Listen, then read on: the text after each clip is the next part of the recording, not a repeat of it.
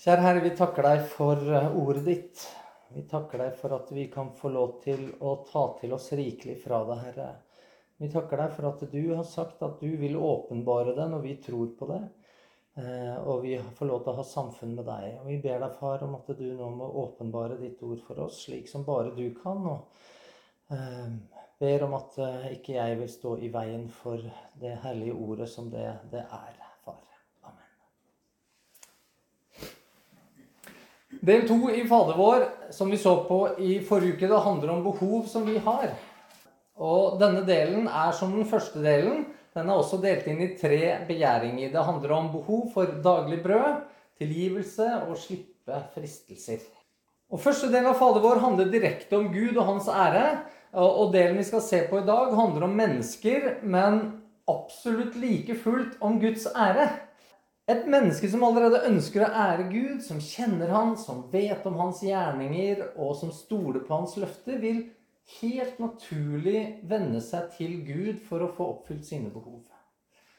Løgnene de er avslørt når det er slik for et menneske. Fordi kraften i verdens fristelser de har avtatt.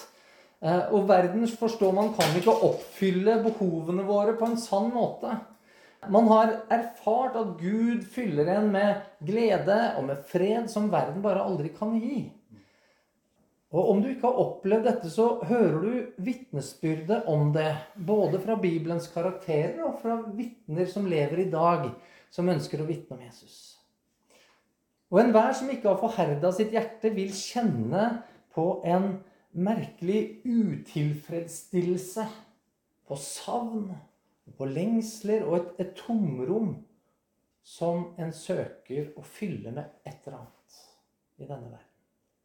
Men den som har fått lov til å smake og kjenne at Herren er god, vil ønske å få del i den, i, i den godheten som han opplever der, i den velsignelsen som Gud gir alltid til sine barn. Eh, og Derfor så ber Guds barn til Han som er den eneste som kan gi dem det de egentlig trenger. Og ingenting kan oppleves mer grunnleggende enn behovet for daglig brød. Eh, mangler et menneske mat og drikke, så vil egentlig alle andre behov komme i andre rekke. Det vil bli én ting som står i hodet på en, eh, og det er å få dekka behovet for daglig brød. Og For den som kjenner til denne Maslows behovspyramide, så vil man tenke at eh, mat det er forholdsvis grunnleggende, fundamentale ting helt på bånn der nede. Eh, og mangel på mat er i sannhet bekymringsverdig. Det må vi kunne si. Og det er bekymringsverdig spesielt fordi mange mennesker så er det en realitet for. For svært mange mennesker.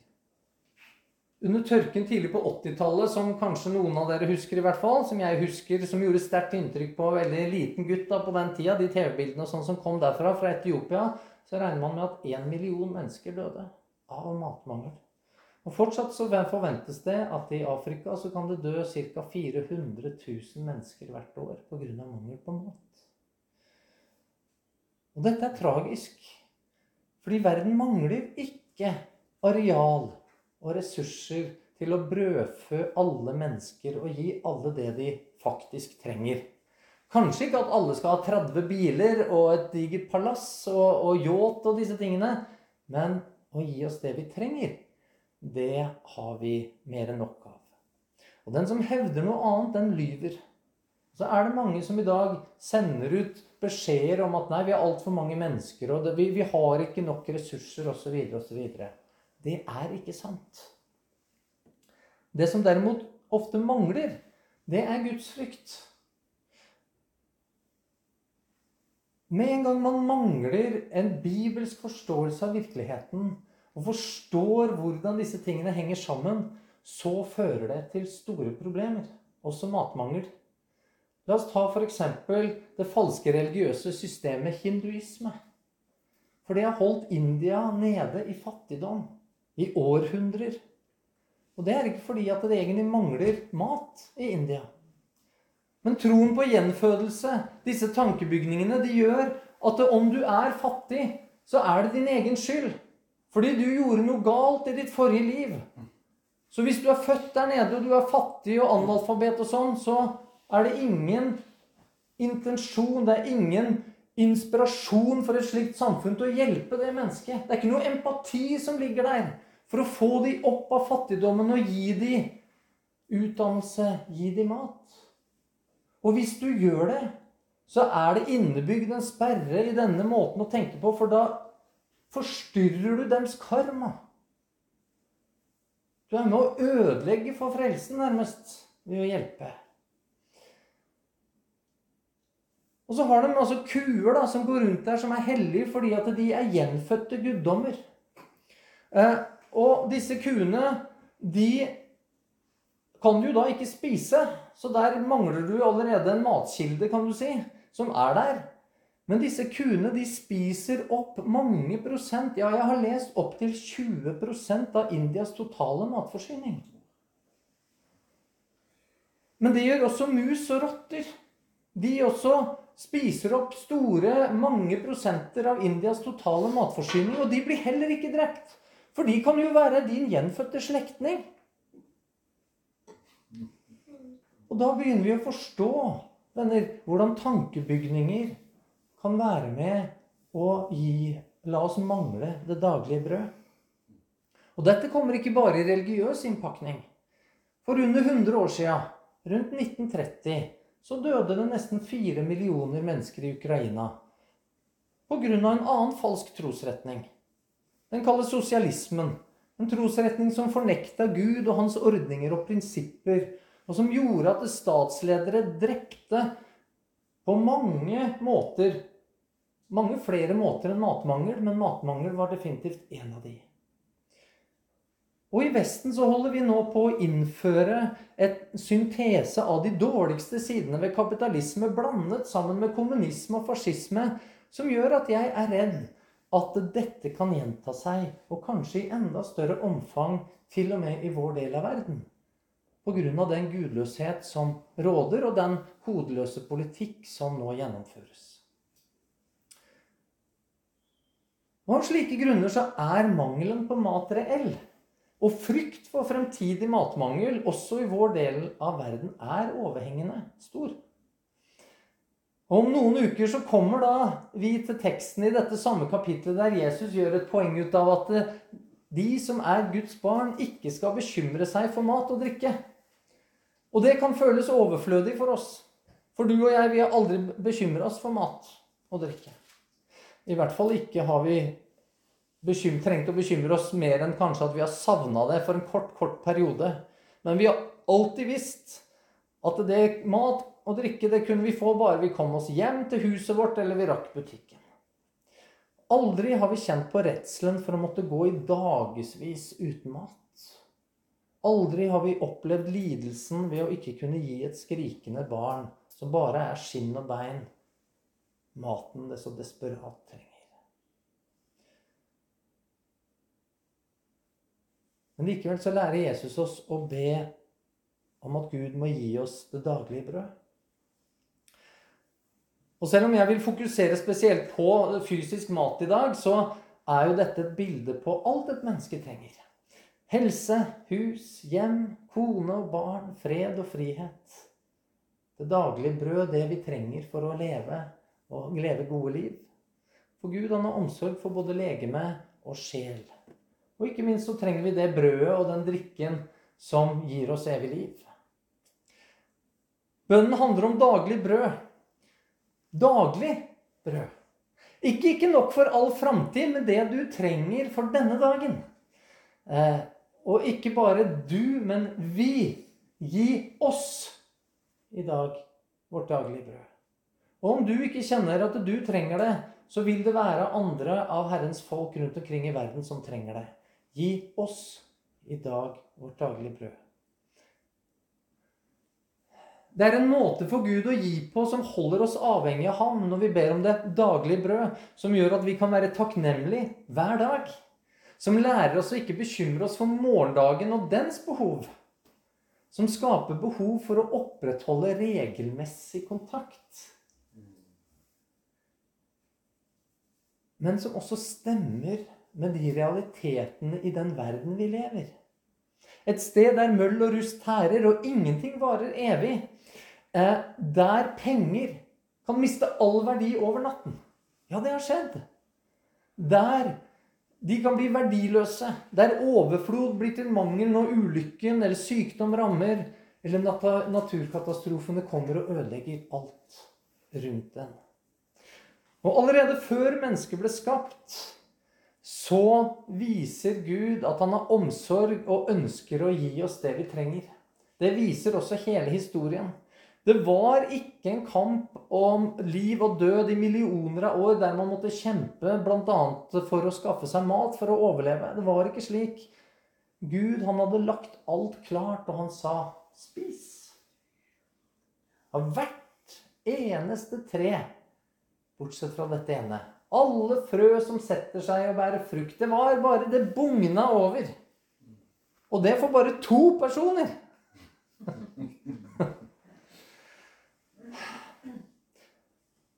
Så velsigna Gud Abraham, kan vi lese om. Han hadde overflod.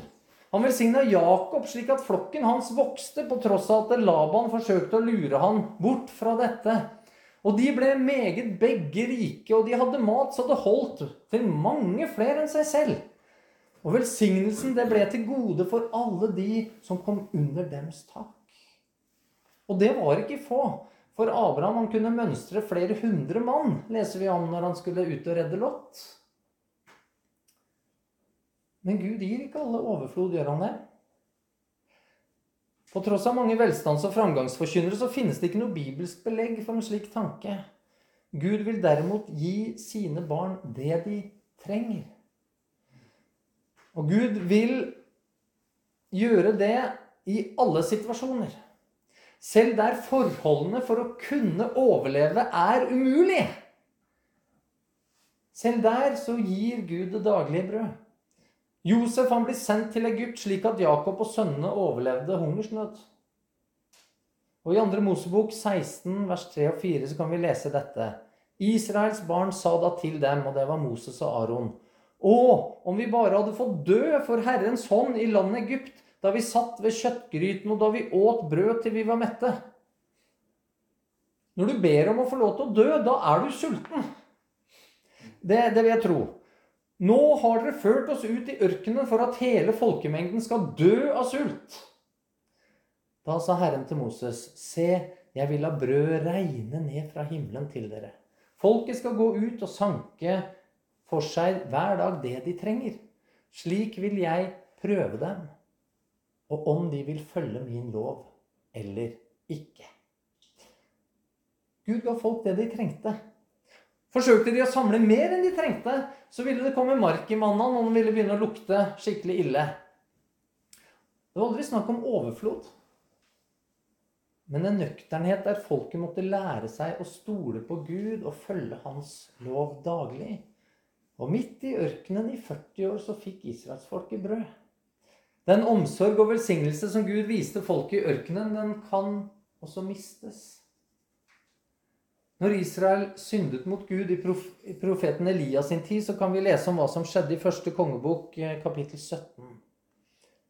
Så sant Herren Israels Gud lever, Han som jeg står ansikt til ansikt med, det skal i disse årene ikke komme dugg eller regn uten etter mitt ord. Regn og dugg forsvant fra Israel i tre og et halvt år. Da blir det tørt. Slik ble det hungersnød der mange må ha omkommet. Men hva sier Gud til Elia? Og Herrens ord kom til han, og det lød så. Gå herfra og ta veien mot øst, og gjem deg ved bekken Kritt, øst for Jordan. Du skal drikke av bekken, og jeg har befalt ravnene å gi deg mat. Så gikk han og gjorde som Herren hadde sagt. Han gikk til bekken Krit øst for Jordan og oppholdt seg der. Ravnene kom til han med brød og kjøtt om morgenen, og de kom med brød og kjøtt om kvelden, og han drakk av bekken. Vi tjener også en Gud som kan la det regne mat i ørkenen. Som kan levere mat med bud rett på døra. Selv med ravner midt i en hungerskatastrofe. Men da det var gått en tid tørket bekken bort, for det kom ikke regn i landet. Likevel, midt i Guds enorme omsorg, så opplever Elia prøvelser. Nå er det ikke mer vann. Da er det krise. For mat kan du leve uten noen dager. Vann ikke fullt så greit. Hva skulle Elia gjøre nå? Skulle han legge seg ned og dø av mangel på drikke? Skulle han våge å gå inn i Israel og bli henrettet av kongen og folket der, som bare hata han som pesten? Bokstavelig talt. De var illsinte på han. Nei, Gud han ba Elia om å gå fra østsiden av Jordan og av alle steder til byen Sarepta. En by på middelhavskysten i dagens Libanon. En by som lå mellom Sidon og Tyrus. Det er byer som i Jesaja og Esekiel blir gjenstand for Guds dom. Det er, det er, på en måte eksempler på hvor ille det kan være. Eh, og Sidon det var stedet hvor Jesabel kom fra. Altså Den nåværende dronningen i Israel som hata Elia intenst, og som var en sterk pådriver for Baal-tilbedelse i Israel. Den avgudsdyrkelsen som var mye av grunnen for tørken. Og til Serepta så skulle Elia til en kvinne. En enke som hadde en sønn. Og hun var i ferd med å bruke den siste rest med mel og olje og bake et siste brød før hun og sønnen skulle legge seg ned for å dø. Men Gud sa, melkrukken skal ikke bli tom, og oljekruset ikke mangle olje helt til den dagen Herren sender regn over jorden. Gud viser en ekstra omsorg for enker. Han viser en ekstra omsorg for foreldreløse, og Bibelen vitner om dette mange ganger. Men det fantes enker i Israel òg på denne tida. Enker som garantert døde av matmangel. Men Gud sendte ikke Elia dit. Han sender altså Elia til en hedning midt i et område som var sentrum for baltilbedelse til en kvinne som sier noe veldig interessant.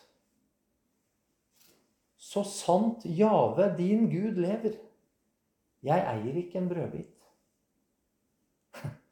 En hedens kvinne som bruker Jave som sannhetsvitne.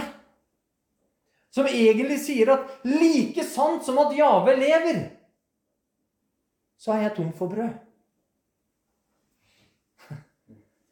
Jeg vet ikke hvor stor tro denne kvinnen hadde. Hun kaller jo tross alt det 'din Gud' til Elia. Men hun trodde. Dette er et fantastisk vitnesbyrd av en kvinne som levde utafor Israel. Som hadde en tro som gjorde at det ikke var tilfeldig, tror jeg, at Gud sendte Elia akkurat til henne. Og som gjorde at både Elia, kvinnen og hennes sønn ble holdt levende ved å gi dem daglig brød. Virkelig i praksis daglig brød. Kong David han opplevde veldig mye i sitt liv. Han opplevde fattigdom og rikdom, mangel og overflod. og Hans vitnesbyrd kan vi lese om i Salme 37, vers 25-26. Ung har jeg vært. Nå er jeg gammel. Aldri har jeg sett en rettferdig forlatt eller hans barn be om brød. Han er alltid barmhjertig og låner ut. Hans barn blir en velsignelse. Dette er et mektig vitnesbyrd om Guds hånd som er over den rettferdige. Aldri hadde David sett at barn av en rettferdig måtte tigge etter brød. Men så ligger det også et veldig stort ansvar i dette vitnesbyrdet som David har. For Gud velsigner aldri deg for at du skal leve i sus og dus og ha overflod. Men som David sier, den rettferdige er alltid barmhjertig og låner ut. Og Da husker vi Jesu ord i Matteus 25, 35. For jeg var sulten, og dere ga meg mat. Jeg var tørst, og dere ga meg å drikke. Gud som velsigner den rettferdige, vil bruke den rettferdige til også å velsigne sine minste, slik Elia fikk lov til å velsigne virkelig en av de minste, denne kvinnen i Sarepta. Og Gud bruker normalt sett ikke under til dette. Det er ikke brød som regner fra himmelen, eller krukker som aldri blir tomme.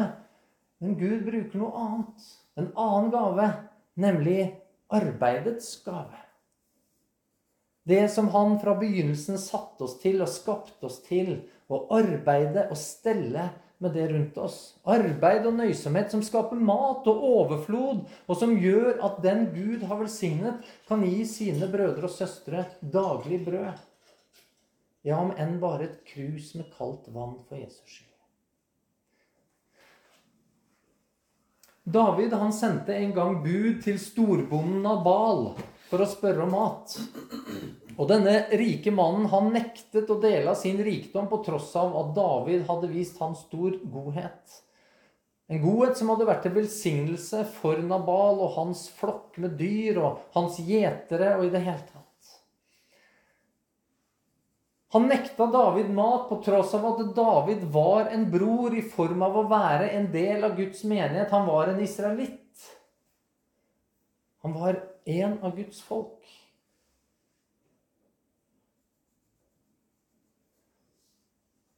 Og denne rikdommen hadde Nabal fått av Guds nåde, fordi alt hører Herren til.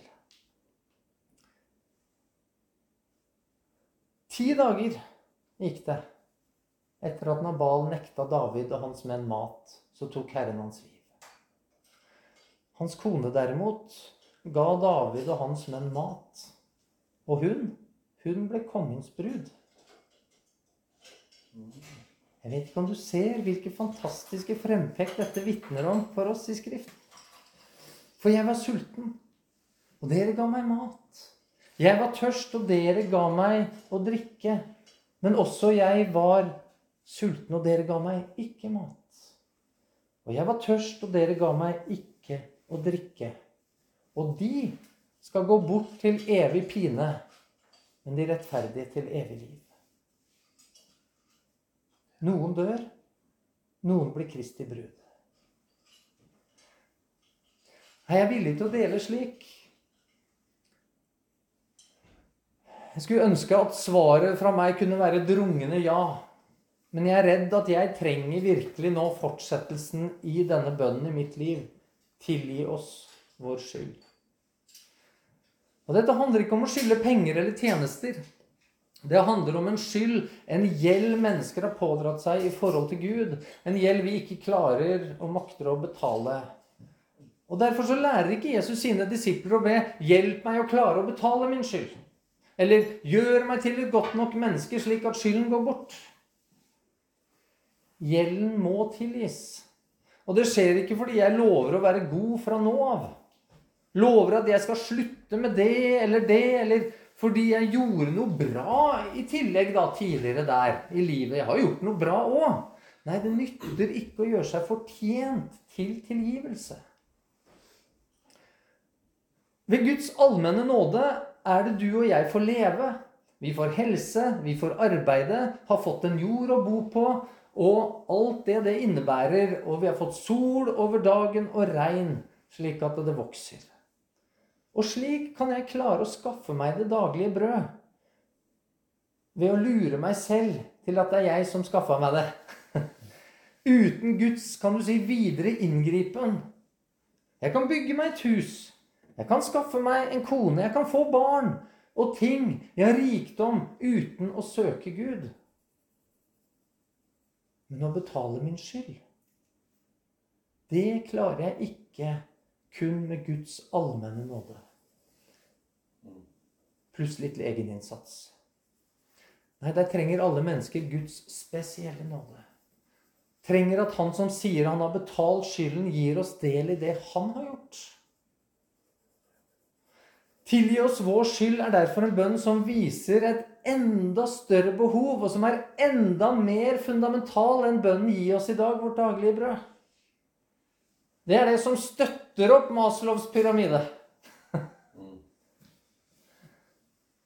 Uten at jeg blir tilgitt min skyld, så hjelper det ikke om jeg fikk alt av brød, alt av penger, alt av jordisk materielle ting eller jordisk kjærlighet, berømmelse og makt.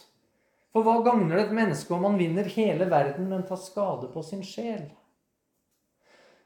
Et menneske som setter sin lit til Jesus, lar han få være herre og tror på og gjør etter hans ord. Og et slikt menneske får hele sin skyld betalt. Du som tror slik på Jesus, er ikke lenger under Guds dom. Du er fri. Du er ren. Du er rettferdig. Himmelen verdig. Og likevel så trenger vi daglig å be om tilgivelse. Fordi også som kristne, vi faller. Synden henger så lett fast ved oss, sier Skriften. Og vi trenger stadig å bli rensa gjennom å bekjenne og omvende oss fra synd. Og Jeg syns Jesus vitner så fint om dette når han vasker disiplenes føtter. Føttene de bar skitten, kan du si, fra dagens arbeid, fra den, det daglige livet. Den da, daglige skitten, om du vil, da. Et eksempel på den syndige forurensning som hver dag er en del av våre liv. Og disiplene de var alt renset. Men Jesus vaska bort dagens synd. Og, og, og, når Peter forstår at Jesus må vaske hans føtter for at han i det hele tatt skal ha samfunn og ha noe del med Jesus, så sier han ja, men da må du vaske hele meg. Alt. Bad meg hele greia. Nei, det var ikke nødvendig. Den som er badet, er allerede ren, sier Jesus. Peter var allerede tilgitt. Han var frelst. Og når føttene blir vasket, den dagens skitt fjernes, så er man fullkommen ren. Men for at dette skal skje, så må man presentere sine føtter for Jesus. Og uten at det skjer, så kan han ikke vaske dem. Så det er altså et forbehold her. Et forbehold som vi finner i 1. Johannes brev 1,9. Dersom Dersom vi bekjenner våre synder, er Han trofast og rettferdig som forlater oss syndene og renser oss fra all urettferdighet. Dersom vi sier at vi ikke har syndet, så gjør vi ham til en løgner, og hans ord er ikke i oss. Vi må bekjenne våre synder for å få tilgivelse. Presentere våre føtter, våre feiltrinn. Og uten dette så vil bønn om tilgivelse være tomme ord som umulig kan komme fra hjertet. Fordi ordet må leve i en kristen slik at han kjenner Guds bud, kjenner hans lover og hans vilje. Grunne på dette og forsøke å innrette sitt liv etter det som er til Guds behag. Og da vil man vite når man lever i utakt med det. Og så vil man oppleve et behov for å bekjenne. Og når en kristen gjør dette, vil Gud rense fra all urettferdighet. Noe av det en må kjenne, er det vi allerede så på når det gjaldt det daglige brød. Og det er velsignelsen Gud gir. Den er til for å deles. Det er noe av det vi må kjenne. Det er noe av det vi må forstå om vår Gud som far. Og det gjelder også den aller største velsignelsen du og jeg har fått. Nemlig tilgivelsens gave. Kvinnen som salver Jesus med salven som kosta en hel årslønn, får det skussmålet av Jesus at hun elsket mye fordi hun var tilgitt mye. Og sannheten er at jeg er tilgitt mye. Du er tilgitt mye. Spørsmålet er bare klarer vi å se det. Klarer vi å kjenne på takknemlighet for det? Og Det vil avhenge av hvor godt vi kjenner Gud. Jo bedre vi kjenner Han, og jo mer vi forstår Hans hellighet, hans fullkommenhet, kjenner han som far, og kjenner hans ønske om at hans barn skal være fullkomne, jo mer vil synd avsløre sitt eget liv. Så veien til helliggjørelse er ironisk nok derfor å se mer hvor stor synden i deg er. Men når den avsløres slik, så, så vil den samtidig stadig få mindre makt. Og etter hvert mindre rom i livet ditt. Og når Guds ord bor i et menneske, så vil det bli mer og mer naturlig å tilgi våre skyldnere.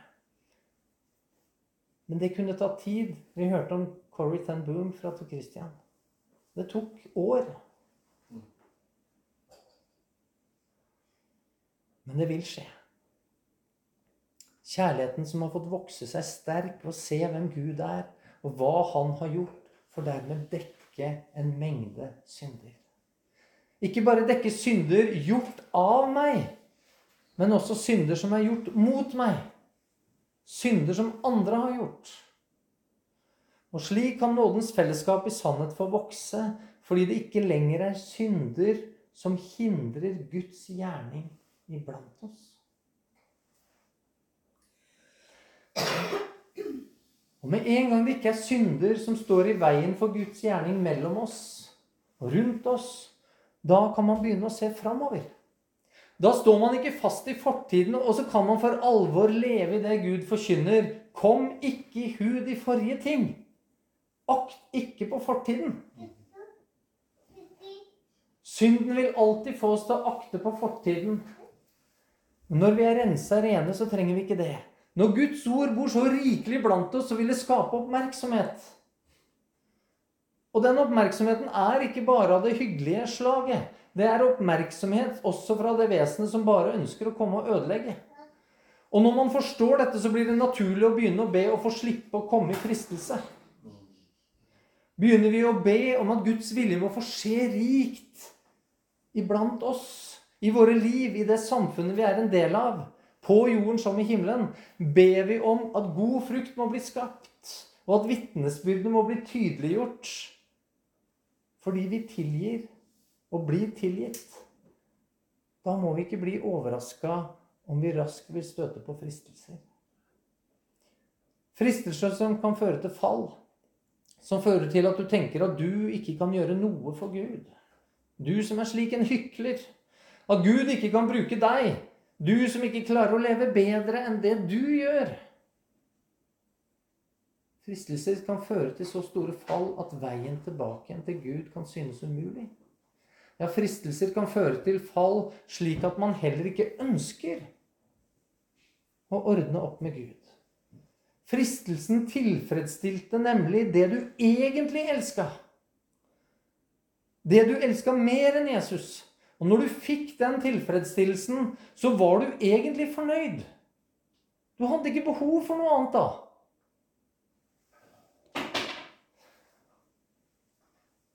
Guds dom, det er å bli overgitt til en tilstand og til et sinn som ikke kan motstå fristelse. En tilstand der man er fullstendig uten motstandskraft og bare lar seg rive med av kroppens og tankenes impulser og begjær. Den som mener at han står, altså den som mener han er en kristen, skal se til at han ikke faller. For som Paulus fortsetter å skrive i 1. Korinterne 10, vers 13.: Dere har ikke møtt noen fristelse som mennesker ikke kan tåle. Og Gud er trofast. Han skal ikke la dere bli fristet over evne, men gjøre både fristelsen og utgangen på den slik at dere kan tåle den. La oss ikke komme i fristelse betyr ikke at du ikke vil møte fristelse. Og når fristelsen kommer, så er det ingen som kan si 'Det er Gud som frister meg'. For Gud blir ikke frista av det onde, og selv frister han ingen. Men enhver som blir frista, dras og lokkes av sin egen lyst. La oss ikke komme i fristelse. Det betyr derimot at Gud aldri vil la deg møte fristelser som du ikke kan tåle.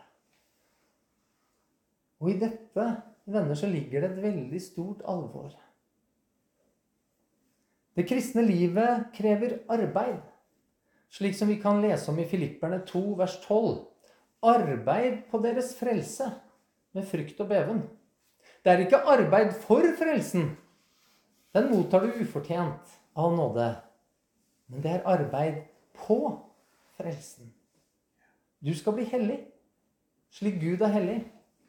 Og det krever sterkere rygg å tåle suksess enn å tåle motgang. Men motgangen kan trene opp ryggen til å tåle suksess. I Guds rike så handler det ofte ikke om suksess i menneskelig forstand.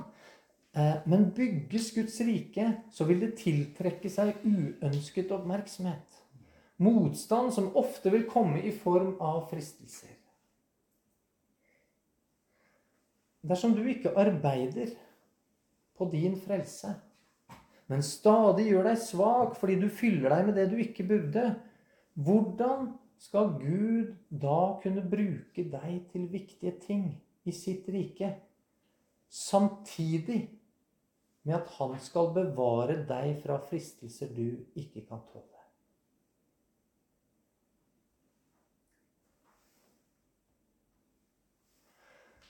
Men om noen på denne grunnvollen, altså frelsen, bygger, eller altså arbeider, med gull, sølv, kostbare steiner eller med tre, høy strå, da skal det verk enhver har utført, bli åpenbart.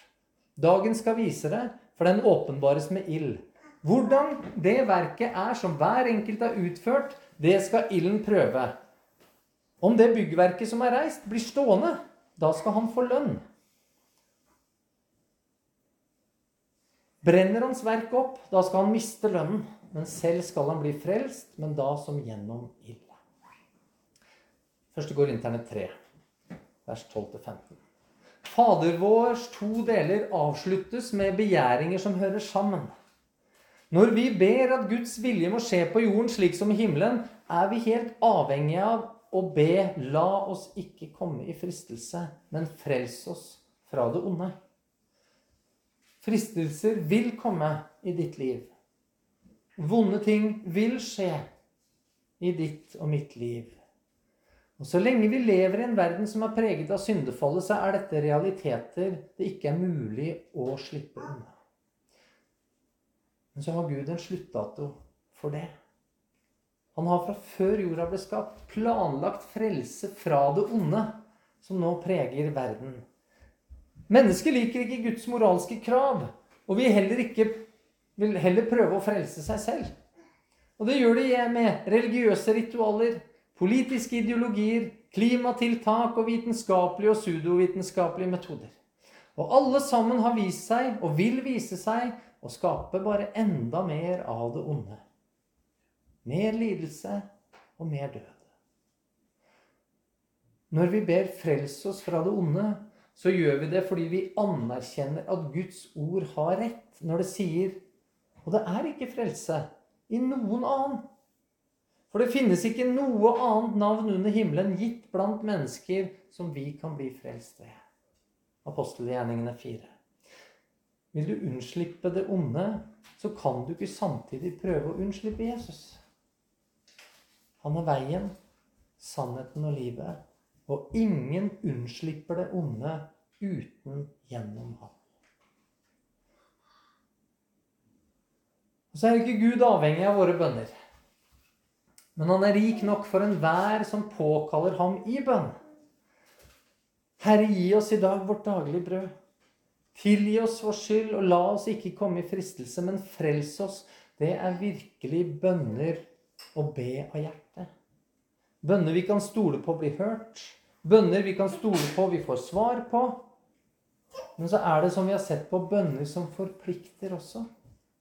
Forplikter alle som opplever å ha fått. De har fått i overflod både av brød og tilgivelse. Måtte Gud gi oss øyne til å se hverandre og hans minste, og sende oss til slike, sånn som kvinnen i Sarepta. Mennesker som man ikke skulle tro hørte med i familien en gang. Men som er mer en del av den enn de som levde midt i Israel. Ja, kanskje de som lever midt i menigheten, til og med. Og la oss tilgi slik at ikke noe står i veien for å bygge på frelsen med gull, sølv og kostbare steiner. Frelse for andre dyrebare sjeler som Gud elsker. At det ikke måtte være synd der som hindrer oss fra å kunne bli brukt av Gud fordi Gud har mer enn nok med å beskytte oss fra fristelse fordi vi er så svake.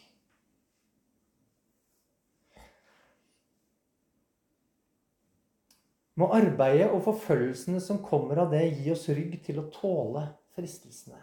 Gud da har mulighet til å la oss møte.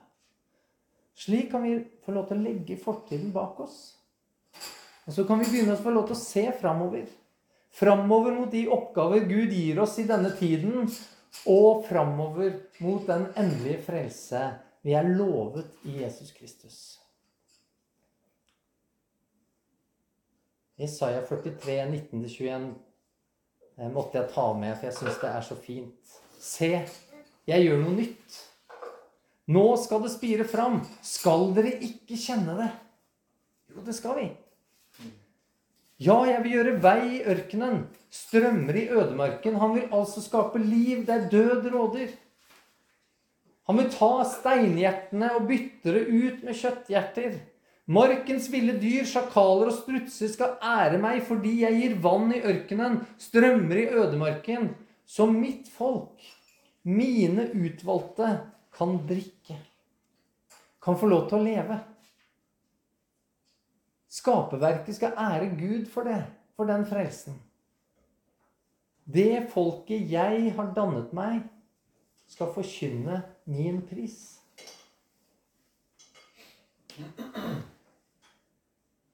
Ja, i sannhet, riket er ditt, og makten og æren i evighet. Amen.